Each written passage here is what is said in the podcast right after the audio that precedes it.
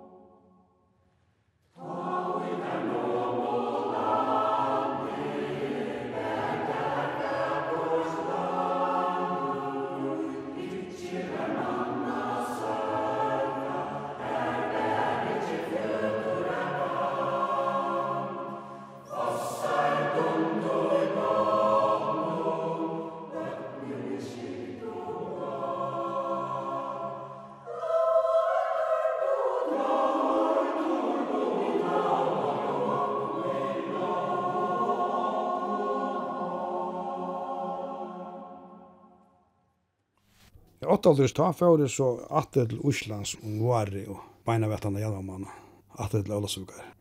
Og så var jeg her til Vertialok 11. mai. Og så fyrir vi til Grønlands. Og ta var vi Limberg, eller det var kompanoi som Malberg, det var fyra båtar. Jesar boende åtta tvair og Malberg 1 og Limberg 1. Det var jo just den stora skolen som tar høtt og her ta ur ansødene. Jeg var så ved Lindberg. Lindberg hei så den første båten som var bygd til halde så Marisa Sante. Han var opprenter, og det var så vanligt ta sånne opprenda båter. Han var utrolig, men ta hadde det ikke holdt det, det var bare en stokker. Og det var så øylig fiskur. Fyllt var han omgant min einar från dagen, altså smekk fotlan båt. Det var så skjøtt at salt var oppe i sjåkon. Og så ble sendt båt heima til en båt etter som vi salte, og så landa var här ombord här och det var resultatet var det att var det blev inte gott att lägga allt. Det blev så dors att få en båt i ur efter fisken och vi nudde salt. Men vi fick helt lägga fisk, öl lägga fisk. Alla i Mykines var bästa båt. Det var trodde man så där fick få inte en punkt ta fisk av nekvia. Där fick jag silverfisken då, där minst det, för det var det bästa båten. Och heter det sikra han? Ja, det sikra han, ja. Det var sikra. Jeg var bare en år i norra Ja, det var sikkert han, ja. Jeg var flere båtar. Jeg var nekko båtar, ja. Det var nekko båtar. Kontrollører var Arngrim Madsen og, og Lennart. Og så var det fram vid Storlandene Lodjas og Kvivøk og skåpningene. Og hine mennene fra var det alle enn jeg knørreste. Og så imsa Gjerramørne. Og så Jausop og Malberget der. Og så Sandningene. Det var det som var i Ramsøtten da. Det hadde opp til flere båter i part. Jag så tar det frutjar hade svänen disna og skik. Og Malmberg tar det fyra. Örvar åt andra att ein og en skläm det jag.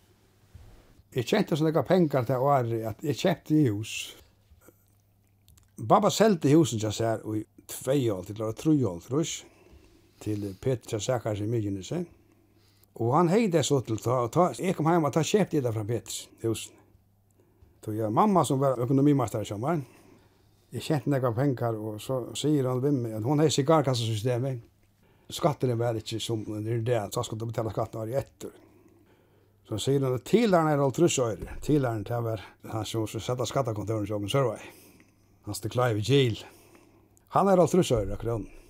Og så skal du betale råkningene der.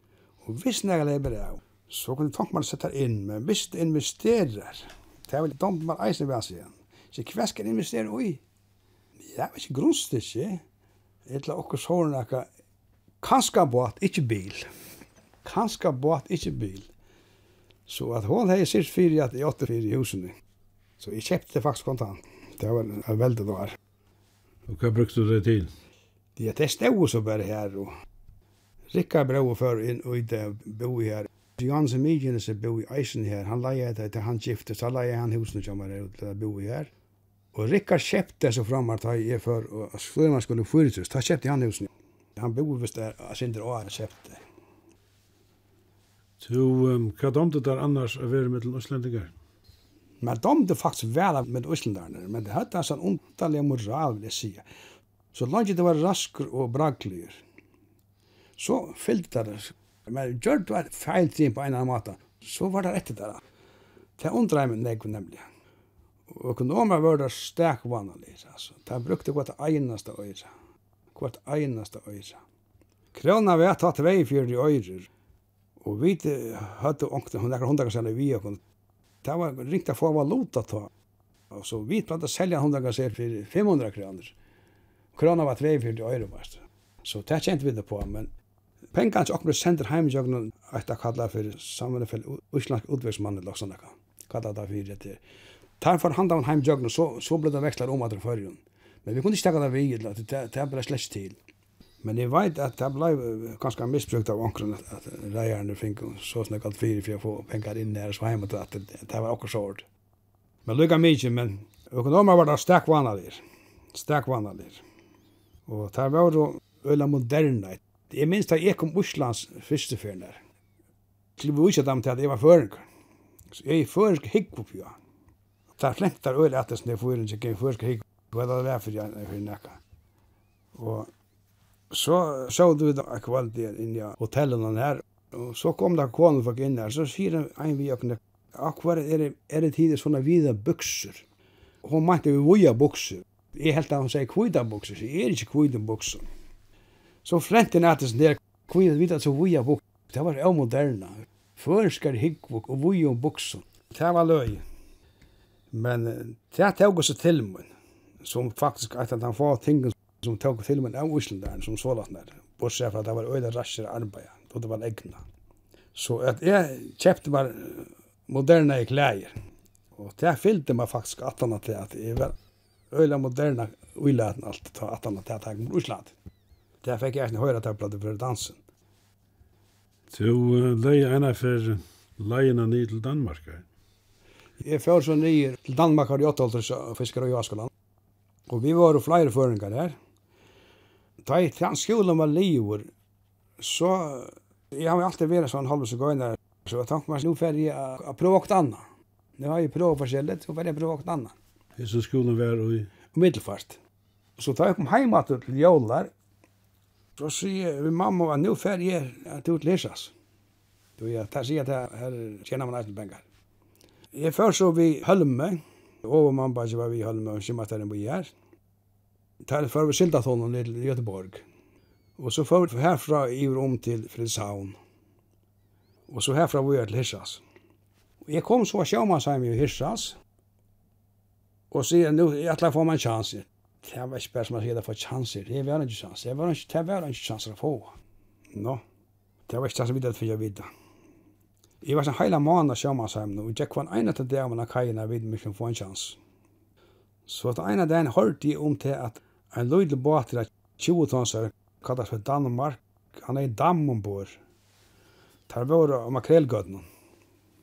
Så jeg hørte til at han kvark man mangla mann. Og da i båten kom atter om kvalitet, da sette jeg kajen i boja i. Så sier vi kibaren, mangla til den mann, det kan godt være, sier han om jeg var venner med makrelgøden. Så nei, det var ikke, men jeg var med toskagøden. Ja, det var kvørsut, det kunne ikke sammenløknast. Men uh, at han har pratet han løtt sammen, så sier han, ok, kom og bor om morgenen klokken fyra. Og de ble vimfa, synes jeg. De ble faktisk min halve foreldre at han at jeg. De ble skibarn og konan. Gikk man bygg tjallan så hon ødla årene her, og hadde samband og lukka til det døy, lukka til det. Så jeg fyrir vi Danmark, Og vi var så vi makrelgøtnen i Skagaratsjen. Flåten flått åmala, det driv på gøtnen. Så man skilte fram vid, vid ljøsgatan lust om, om noen makrel var kommet i. Men største problemet det var å få vinka i seg der. Det var snakket frakttrafikker her i Skagaratsjen. Vinka der vekk, og det silde gøtnen sjåk. Det var hver en natt så gikk vi en blossa her og vinka der vekk. Men jeg var så her i makrelgøtnen om vare, og så før vi til Snurvåten. Så vi fiskar vi snurrbaden om sommaren. Og det var också strävet. Det var trudje man, så da var vi i tågen och man slapp inte ner Man kan inte faktiskt landa fästa sig en sigarett. Da kom alla denne in. Och det fungerar på at man var snurrbaden. Man sätter denne bøyen i fasta. Så sikler man ändan ut och så trådlig. Och så sikler man attra böjerna. Och så begynner man att hala. Men om kvalitet tar vi det var lite så fick vi då respekt. Det var kan annat det. Fast över respekt enn annat det men det var så strev jeg fisk opp at ur dammen, da vi kom hjem kvaldanar. Så at det sier vi en kibar, da jeg tjekka det tvær måneder hvordan brusene var da, av livande fisk og deifisk. Og da visste jeg, tjokkestetter vet at det er samme brus. Så sier vi i kibaren, du kan ikke krivja seg fyrir. Du svår det bare plakka kassan av land og så var fru. Jo, men hvis jeg er til det, så var det her for innasla. Det var en eldre med, og han var ikke vi på det der. Men det lukka jeg så. Ja, så så ombar vi som gick kviger detta. Vi var lite när krivet av kom in. Så var det läka av kassan på land och så eller så bojen. Och i Hirsas var det ta den gamla havnen här och det var inte stålbåtar. Det var bara träbåtar där. Och så begynte stålbåtarna att komma och det resulterade i tog jag män måtte vara skola. Det tar plötsligt inte papirer till som är båtarna. Visst det båten kallar för anskar, det minns det. Den stålbåtarna som kom och så är förra skola Men vi gikk i bare skola i weekenden, så lærer sånne det. Vi var fiska av togjen, at det var en privatskole. Han toddler som er i skolan. Han sier til fyrir at du dotto. Jack Øl høgte på det at Han fikk stål, stadsstål. Og hvis han er mer dumt på prosent i skolan, så slapp han seg av skolan. Så vi gikk vi kjøreglene røvalomann med å fiska av. Så ble vi et avhård, sa en av fra vikene, lærer lærte sånne det. Man fiskar ikke sånn det her nere. Da jeg var halvgingen av skolan, da kom Josvan, fosterbagen min, til Fredricia. Han sildi vi en svensk båte. Og så fikk jeg han hoppa av her. Og så fikk han kusskiparen eisen. Da jeg var littner, så fikk han han var braklærende om bare det tåra for å brunna. Så han fikk Birgitte Malene for, en hundratonsare, som han bygde i Holland. Og jeg var styrmarsjon. Så vi var bygget Malene her til ene trusja, da jeg var heim så var det hvordan man skulle komme hjem. De er i snakka pakkanilika. Det er en større leilige til tjallarne og Sibarne som var i Danmark. Så sier jeg det med Josva. Ta foran tvær båtar at hos land som begynt med lena, det ta koppa og det var åpenbart så rentjer. Så var forbund akkurat i januar måned ta fiske Norsjøen. Så sier vi Josva ta en, jeg minst det vi kom da var i alt. Nu får vi heim. Nu får jeg sørve og vi får vi bygge med lena. Hva mener du vi, sier han. Sier, det er ferdig. vi. Morgen så ferdig vi kvar akkurat på kanelen som er lasten av med Lena, og så ferdig vi til Sørvås. Ok, men han var veldig rolig med oss. Ok, sier han. Så vi var fyra mans, og henne fikk ikke vite, danskarne. Vi får sted, og vi stegga oss at finna kajen i Sørvås. Der var så her en tvær dagen, og Jon Badjans han var så yngre Josvan, han var uppvuxen i Porsche där mamma dog. Han kom så väster till Sörvård, han säger han byggde till Ockon. Han får så via till Josvan ner till. Och så fortsätter alla att fiska. Norsjön och hemma till Ångs det annars vi vet att det blir förr några Det var Danmark-turen som är ja. Det var gåar. Det var helt gåar. Det är pura sikt. Men då det väl där, jag vet inte var så igen och färdast. Faktiskt var det ofta när jag färdast. Kjell och Josvan och så mågas ikast den skibaren sommaren. Skibarskolen, Totland, han var bant hinn med vegin, så det var nevnt jeg mer for skola. Og i 1922 om varet, ta, jeg jo kjøpte en hus, stod og grev utanfor en septagan ligger her, ta, jeg fikk telefon på, jeg minns ikke hvor jeg ringte, men jeg fikk til på om han kom over i Magnus Heinasson. Han var jo nødje, han kom over fyr som nødje båter, og jeg sier jeg beina be. Og så, han til mamma få pakka, og så var det. Vi var av 94 mans. Takk for at det ikke var alt trusht. Hvis det var alt trusht, så skulle det være lakna vi. Så vi ble 94. Og da var Paul som var kibare. Vi ville helt vel, da var jeg bare. Altså, kanskje jeg har ikke så større respekt for kibare som de eldre mennene. Og det og damer åpenbart da var vel. Jeg var på sammen med vi, og jeg skulle bare kokk skjønne hver natt. Ta ordene igjen Regen skulle stajja tvalkar illa kongafisket og sånne. Så skulle jeg på vi møtet landsara. Han var en fantastisk skipare, det må jeg si. Han hei egen etter ødlun. Han slav i kikaren oppi av brunni og hugde, hvis det var bare en tveige vind var ur uran i kjekkel, så så han da. Fyllte jo allemyndelig av elvi. Vi fylltes i til Fonland vi brante. Davor og Andreas var skipare brante, det var så vel. Og vi kom iver her og her var oalmyndeliga kallt. Jeg minns hvor så kallt det var, altså. Men det var krepja sjøen, og så oansett om det var nekve vinter, så får sjekven ikke opp, til at han la seg krepan. Men hver dråpe så kom han at detja han frist. Og vi hadde så trål i bakbord og støyrebord, men det var ikke bjåa til at hver bakbord sål i under. Det var en stor uisklumper, altså det var. Så hvis det var skratt, så måtte vi bøta. Og det var øyelig kaldt, og små fisker, men negve fisker. Så ta ble kort ut at det er små, at vi at man skulle helst ha snakka stora fisk som mål last. Og vi fingus opp på ytlendans. Vi var inne i halvvaksana tverfernar. Og ta fyrste fernar vi var inne, ta sørste halen, nu var jeg påsa med år, fingus den stora kalvo vi. Så tok de meg sjål og skal jeg tåra bia da og få enda kalvana seljen i halvvaks. Så fyrir vi til Davas det tår i illa sig då. Jag vet att det är ont att vara ute för men jag har allt sagt nej. Men la gå och låt så lägga det under mig. Vi får in i halvvax. Vi gick så runt, det var sådana pirar här. Vi inte fann fiskehandlare. Så ser vi honom om han skulle köpa kalva fram här. Jo, man var frister. Så nej, han är lia det under. Okej, han, så ska det komma ett rum. Och jag fick han en dollar dollarn för den här kalvan här. Det var inte smavis. Og det var øyelig misåndelse til minnes sin bor i middelen inn der. Og, og så sier David at det var først og sørste ferie, nekka for en kalv. Men vi var så her og nekka deg her og først udatratter og fink på i båten. Vi hadde eisne mjøl framlast ombord. Så båten var fullt av fisk og, og mjøl. Da jeg kom hjem etter, ta før vi Arnatindet til Grønlands. Båten til Lena Jakobsen. Han bygde en stor båt som han kallet for Arnatind. Og spurte mig skulle vara formar om. Och det var spännande. Så att uh, Rickard Bro var vi i och Jon Magnussen och Sigfrid Hansen och Lennart vi. Det var manskapet som var ombord. Det var så spännande så vanligt tror en ung man i affär här som formar och det man skulle kappast. Man skulle bli bättre än tant. Det är så gott sig sett man fyr. Och det är han på gott så kon. Vi låg oss sånt där om man för mina begynna vi. Men så det var det inte nöjt vi så Jeg minns, jeg la så aftanskvald, det var jo kun hva det finnes ikke, jeg minnes ikke atla, men jeg lurte etter radioen, og hørte til at det før skulle løgnebåtaner, som lå sånne for dobbeltabokka, som var 5-6 timer å sikla sår etter, finge fisk. Så sier vi teir, her var det nekka mødre vi færre stedet beina vi, fra fleitsborgen, så skal jeg styra og tilsleppa sove båten. Det er høyre at jeg får fiskar sår. Nei, det var alt det. Så vi skilte svora dubbla boka. Og troff en av lönnbaten der. Det var jeg var en essel, eller vad det var. Så sier folk fisk. Fisk, vi dreper han ikke. Nå, og så begynte han å låta østen, ikke? Og da var jeg klar i det, så var jeg bare slipper seg til huset etter at, og omkring det foreskjøtt. Og vi får så til sikla nåra etter at, tar tørna seg inn etter at, som mennene kommer, og utanfor, tar vi kallar for toskøydene, det var bare utanfor havna munnen og ransøydene, troff vi det skrapa ved og fink 8000 pund.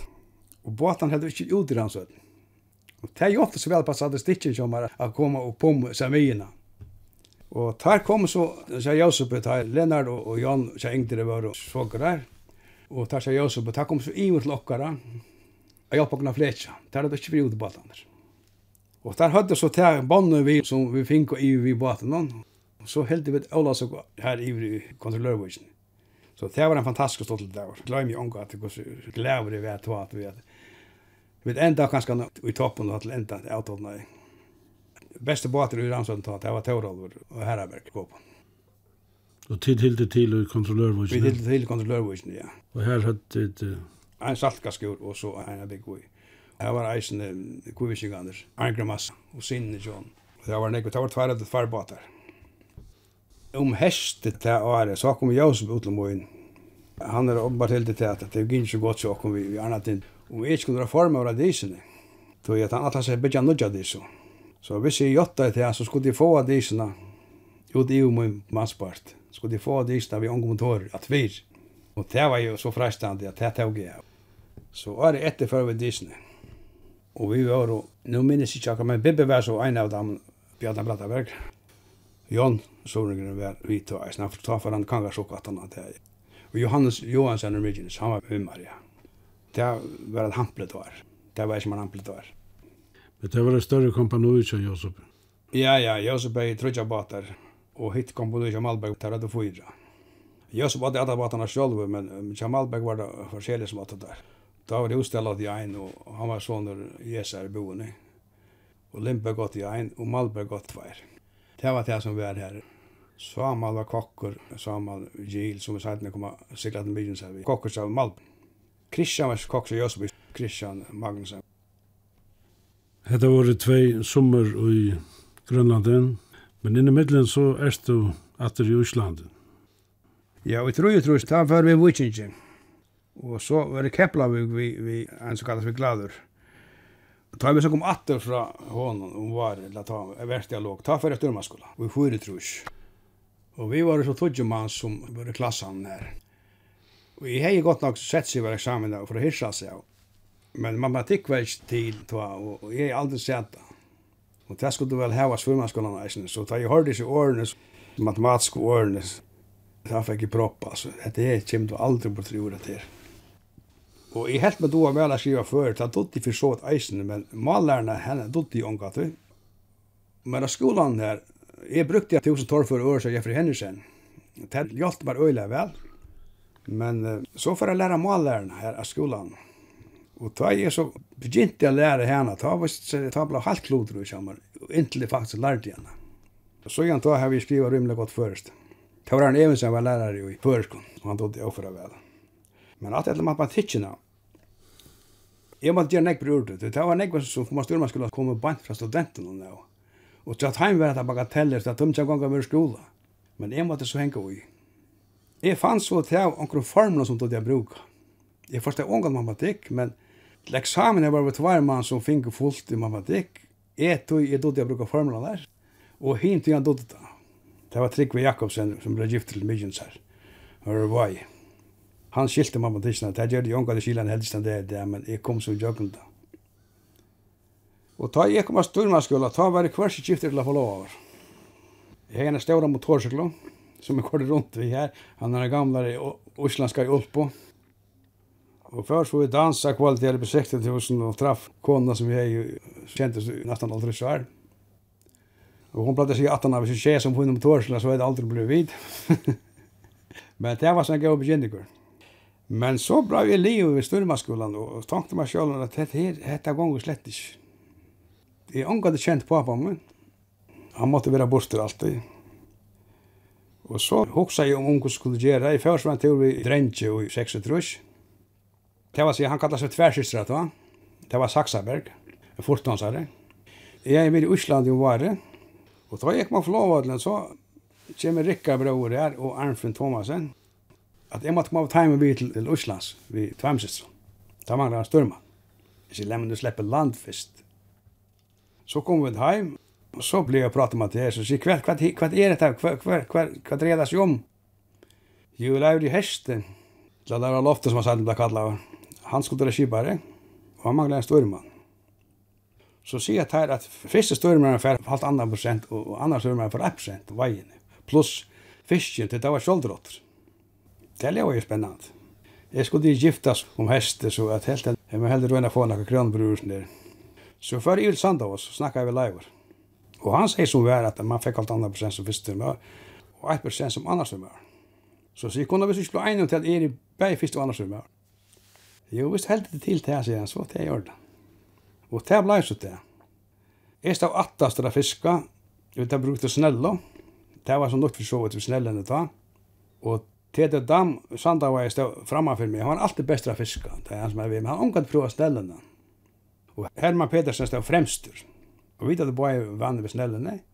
Så Herman blev bästa fisk och är bland oss bästur. Och tete är om det Tete inte til. Han hejade den gamla usavar. Det han nippa i ui så skulle man dreie opp og det omgått för kött. Men vi tog det bättre att färdas vid snällena. Så galt om att dra späklig upp. Så man fick flyr ju. Så att det var kjent i godt. i har alltid, bortsett fra Olas og Skjealdris heldig ikke har kjent som nek som år. Så det kom vel vidt at man skulle giftast det meste. Ta vi så kom heim ta, og ta for i arbeid, vi betongarbeid, ikke? Åle sen halde han kallast. Der stappte husene oppe i Svinner Helmsdal. Ta. Så det er alltid til her, og inntil togjen kom til at man skulle giftast. Så vi ble gifta 20. desember, og i 36. Kona sammen var Julianna Jakobsen, døtter Radikal hon var jo havnagenta ved Storen H. Men det må jeg si at større bygdagenta kom man ikke finna. Hon kom vest til Vigen och vimmar till alla sitt hus nu. Och hon skulle læra alt som bara læra, veldig ikke sant alt det var näkran. Så vi tog henne fra tøyene av henne til Rødt luntar. Hon Rødt Nøyja luntar som var grödeklarare på en tøyma. Og tannan visste jeg var vi tog klokkene sjøen. Jeg vet ikke nek, den beste jo rødt i mye, det vet ikke, men det er neppa nek mer det. Og så var det alle veien i jøgnen. Hon elskar bygdaløyvi. Hon var i tjeje trus, ta fekk jeg konsesjoner på Amidjensiklingsna, vi er sin låneegvan som fekk i Grønland, det var sier Disney, som fekk navnet låneegvan. Jeg fær så var sikla vi posten der og frakten ved til her, og Kjeld Jakob og Samal Vigil var vi. Og vi silte så, hva en av det der var Kirsti Myrjenes, med oss til det, nå sikla der, hvor er om året til Myrjenes her. Da sylte vi kvann det var kyrst. Om det var tåka eller takk om ikke kjærsene. Vi hadde anna kompas og anna klokk. Og det var dyktige menn å sikla fjøren. Det var ikke som at jeg finna mykines. Og det lærte jeg nekve av. Fyrst av henne i huset ombadja munnen. Røv utvimma vi landa ekvann åren.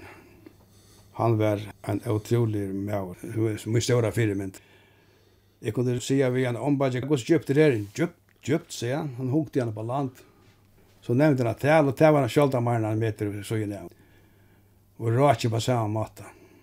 Han visste alt om vever og vind. Og det har vi så tidlig til mun, og det kommer til å gåa sætten i enn ta i. Vanlig kan være mye nist. Da kom det meg vel vi, kjenne fjøren så vel. Hva er det lødde der denta hesser her som lærte det å sykle om fjøren? Det er lødde denta av streim og, og rak og vind. Normalt sykler man norr etter Esfallen. Men hvis det, var vinter høgt, så kunne man ikke fjerne norr av Esfallen. Så sier han med en annan til at da jeg Esfald var holdrunde, så hølva jeg høaten sånn av tinta. Han hølva jeg sjekkven her, og ta vissi, da jeg etterprøva at jeg så silt det. Det er ikke jeg funnet. Det var hver hølva her faktisk. Det var sånne ting som man lærte meg, med de grinnen her. Han nevnte nemlig at det var som det er Moses for røye her, at han var siklet mellom på tinta Tindagrinnene. At man siklet her med mellom hei fossen, gasset av fossen, mulafoss i vøvn, Så silt man hem middelen där. Illa får den undan där det var myrt. Og det har vi brukt och lärde mig nekv att cykla till. Han säger nämligen til att du ska lära dig kompassene med til just och bruke noe til det myrt. Och det var sånne ting som man lärde og tog til sin. Og det er nekka nemmere jeg sykla vi, de tålen der her og det. Men ta var det så løsner. Og to heier så her konsesjonene enn at du? Jeg heier henne til i førre politiskola i Kjøy Trøs, Så säger nämligen vi bror att nu måste anse efter att vi behåller koncessionerna så får han cykla Midgesposten. Men det var inte mer nio kom att ta i utåg strandfärslan. Och Arnold Jakobsen med cyklisterna att han att det. Så det var faktiskt bara det ena var i hej cyklingarna. Men du sylt där alla tyna. Allt är sylt där så lycka för att det var smalare och de de var väl cyklande där. Och särskilt att jag fick låna igång. Ta sylt det mycket så allt. Man dömdes väl mycket att det var bara sylt bara og i tjei trus, da begynte jeg sigla vi turisten. Det kostar fort kravene til menneske å leie båten til myggen av turisten, og, og jeg sa potensialet ui turismen og langt da. Så at da jeg kjøpte ljusene i 8 trus, så var jeg også om for jeg iveleve økonomer, så måtte jeg leie det ut. Og det var mest danske med andre lag. All fjert begynte jeg å hava Adlarheim her. Og det var mest danske med andre lag, og det har betalt jeg sinte fyrt, men nok til at jeg kunne halda husene ved løyga. Och så gjerne har vi haft det här faktiskt.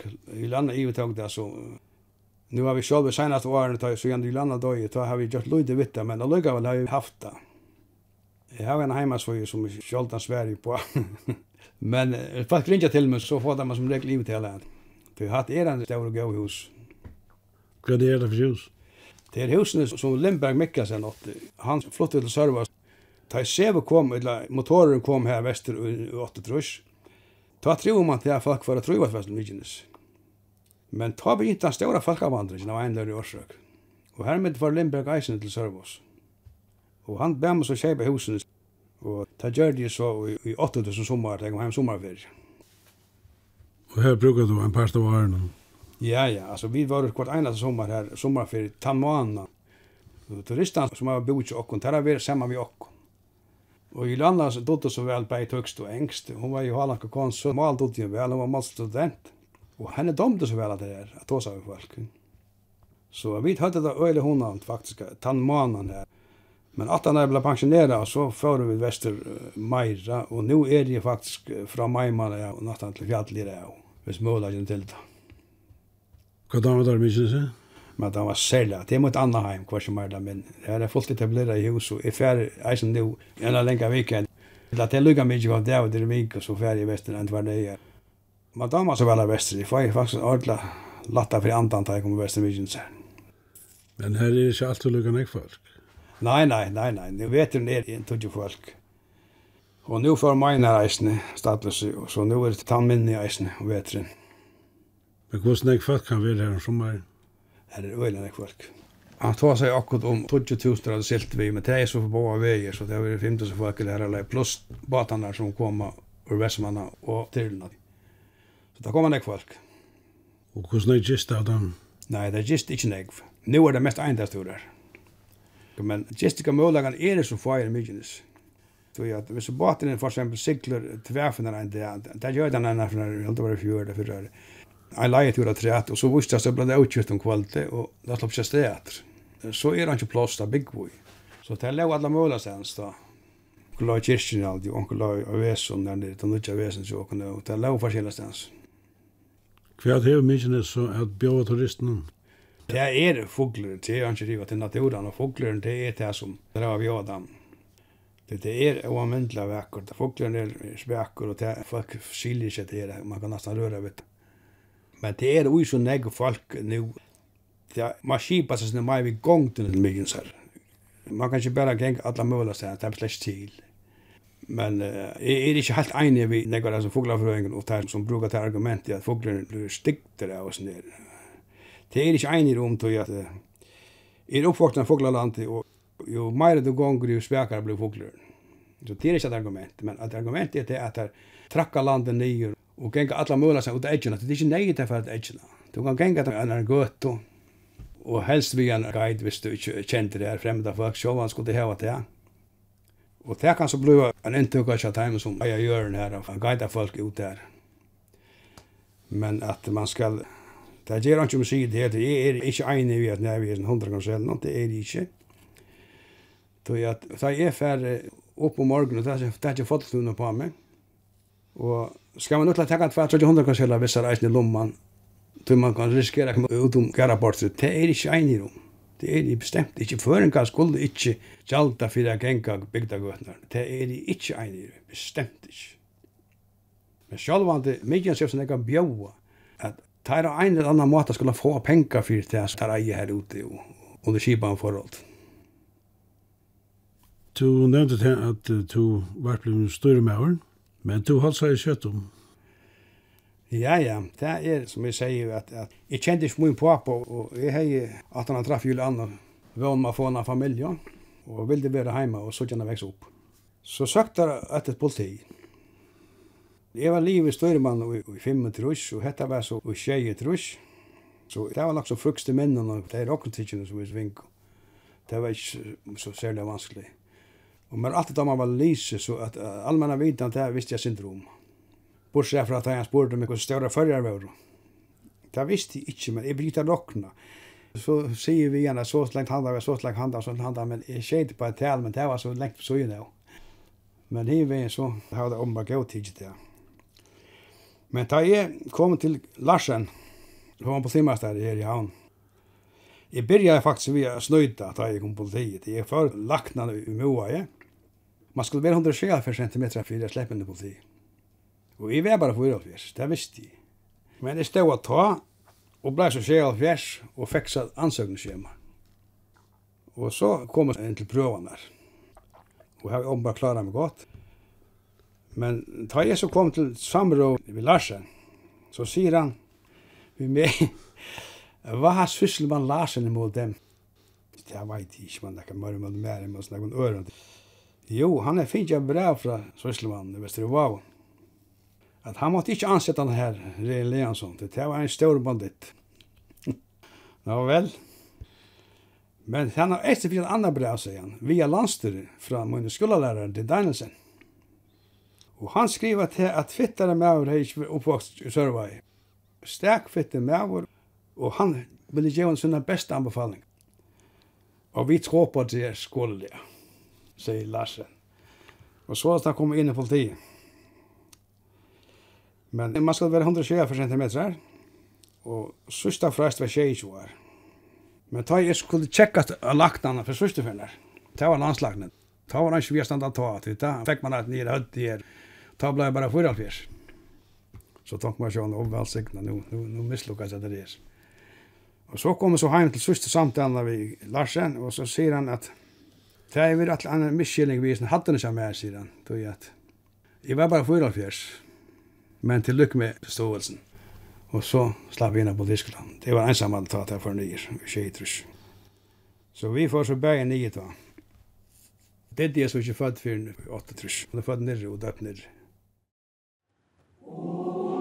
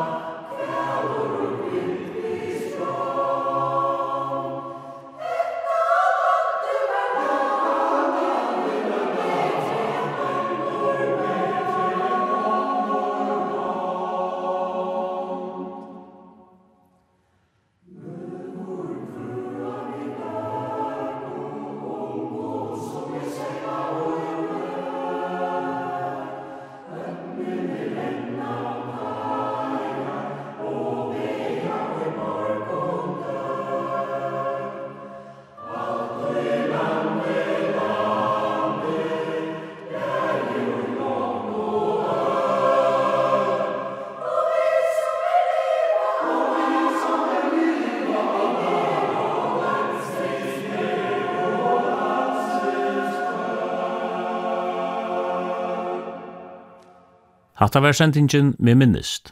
Jeg var narki hitte Rein Leonsson. Hetta var onnur sending.